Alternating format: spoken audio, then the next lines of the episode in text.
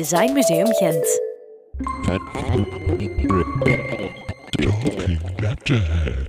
Welgekomen Geoffrey Brussato, of is het Broesato? Maakt niet uit. Uh, welkom. Um, Dank u. Grafisch vormgever, eh, neem ik aan. Ja. um, Zoals hier allemaal, denk ik. Ja, inderdaad. um, we bespreken telkens uh, het, een, een, werk dat van eigen hand is of, of iets dat u geïnspireerd heeft. Mm -hmm. uh, en we zijn heel benieuwd wat je, wat je hebt meegepakt voor ons. Ik heb een publicatie meegebracht um, die ik heb gemaakt voor een, um, een, een, onderzoeksproject van een student aan een conservatorium in Antwerpen. En daar waren eigenlijk de, um, eigenlijk een onderzoek gedaan naar de, de acteeropvattingen van Dora van der Groen, omdat daar eigenlijk, allee, zij is wel echt een hele persoon die heel belangrijk is naar Herman Terlink. Maar er was nooit echt um, een soort van publicatie, omdat ze dat zelf ook niet wou. Dus die studenten heeft um, eigenlijk uit alle interviews um, daar transcripties van gemaakt. En een soort dialoog, uh, samen met dan ook van Herman Terling en ook Bachwan, wat ook een inspiratiebron was, daarmee gelinkt. Dus daar gaat die publicatie eigenlijk over.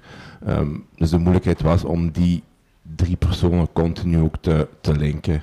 En ook dat het ook een soort van, um, niet een klassieke publicatie moest zijn in de zin van dat het ook gebonden was, maar dat ook eigenlijk, je zult dat zien, dat is ook verdeeld in verschillende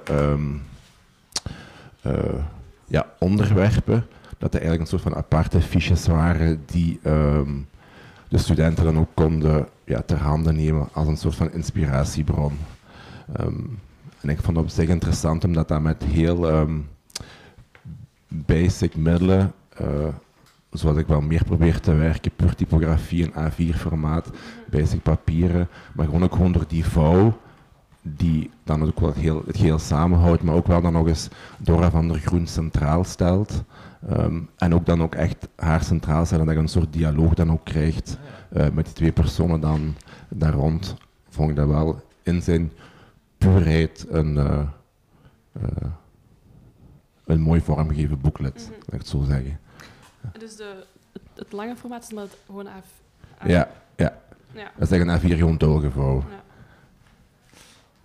Ook omdat we zo'n soort manier aan het zoeken waren van um, dat die fiches eigenlijk, uh, we mochten geen volgorde, of ze wou ook geen volgorde, er was ook geen volgorde in die aparte fiches. Ja, dat er een soort systeem was om um, ja. dat dat eigenlijk uh, van volgorde kon veranderen, of dat de mensen er zelf mee konden konden, mm -hmm. konden spelen. Dus er is altijd een thema, als ik het goed ja. heb, en dan heb je drie. Um, ja, dus middels is altijd de, de transcriptie van uit een interview, of een van de vele interviews van, van Dora van der Groen, en dan heb je altijd uh, rechts Bachman en links uh, Herman Terling. Dus dat zijn eigenlijk teksten die die studenten zelf heeft uh, in relatie gebracht met elkaar. Ja, en is dat iets dat jij als vormgever hebt beslist? Of is dat in samenspraak gebeurd? Of, of hoe, hoe komt zoiets tot stand? Ik bedoel, de, de publicaties uiteindelijk, uh, hoe dat er nu ik, uitziet.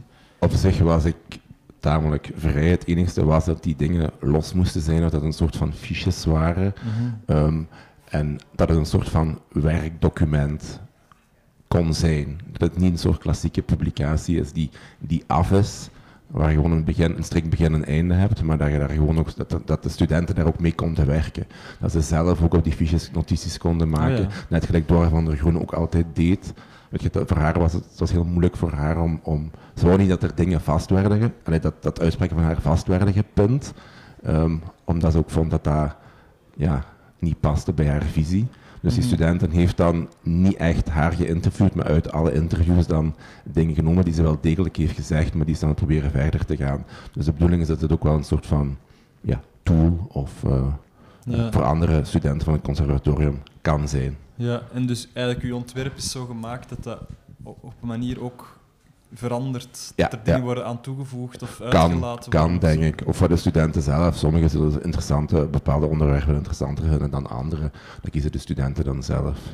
Ja. mocht gewoon niet vast zijn. Maar weet je, het dan zo meestal van die klassieke een doos of ik weet niet wat. Ik wil Mm. toch nog zo binnen het idee van een publicatie blijven. En die vouw, dat is iets eigenlijk iets Mm. heel simpel, maar dat houdt wel alles samen. En dan eh, werkt het toch nog als een soort van publicatie, maar ook nog wel als een aparte fiches.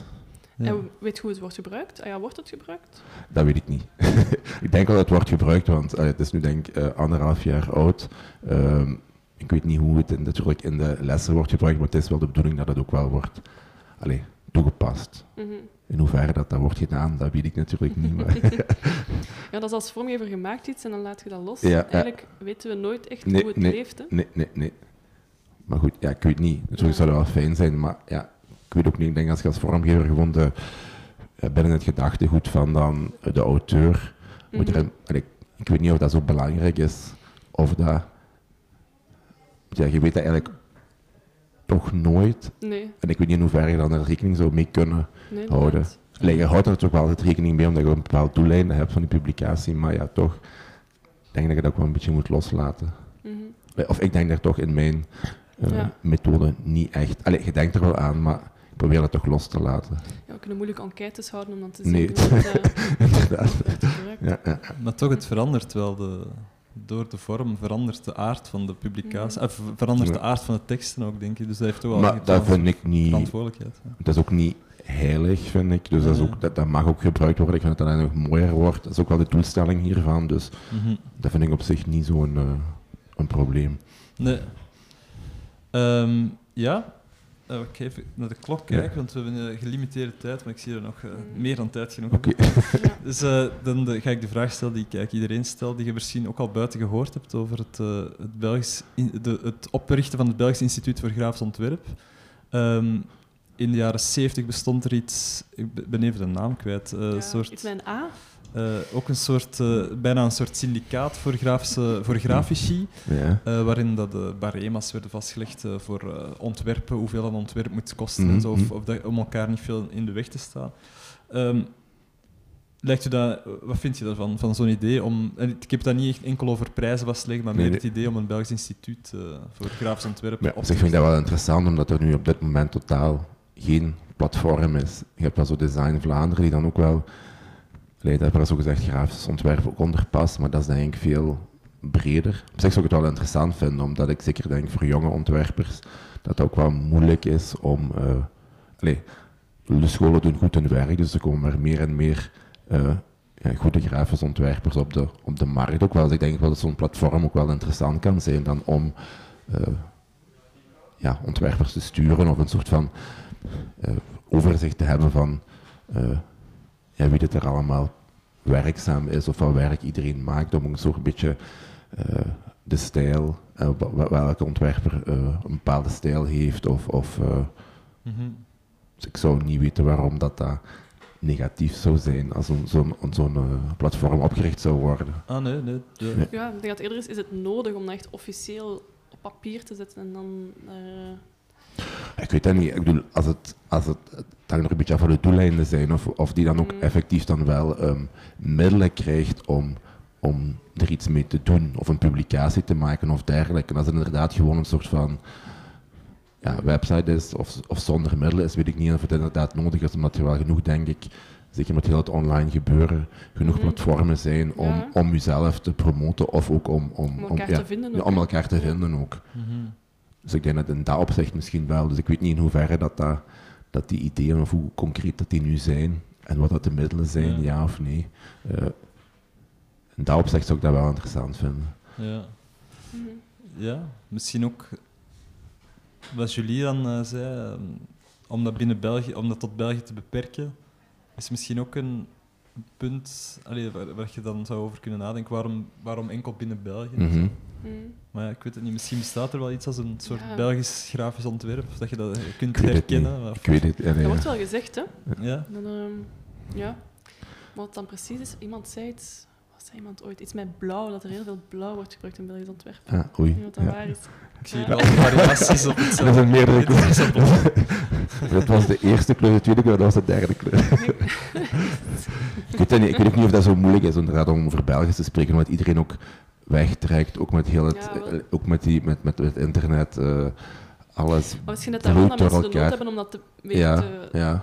Ja, we zijn zo heel globaal en misschien daarom dat sommige mensen dat weer willen... Maar anderzijds, waarom ook weer in hokjes denken? En, ja, dat is terug dubbel. Hmm. Design Museum Gent.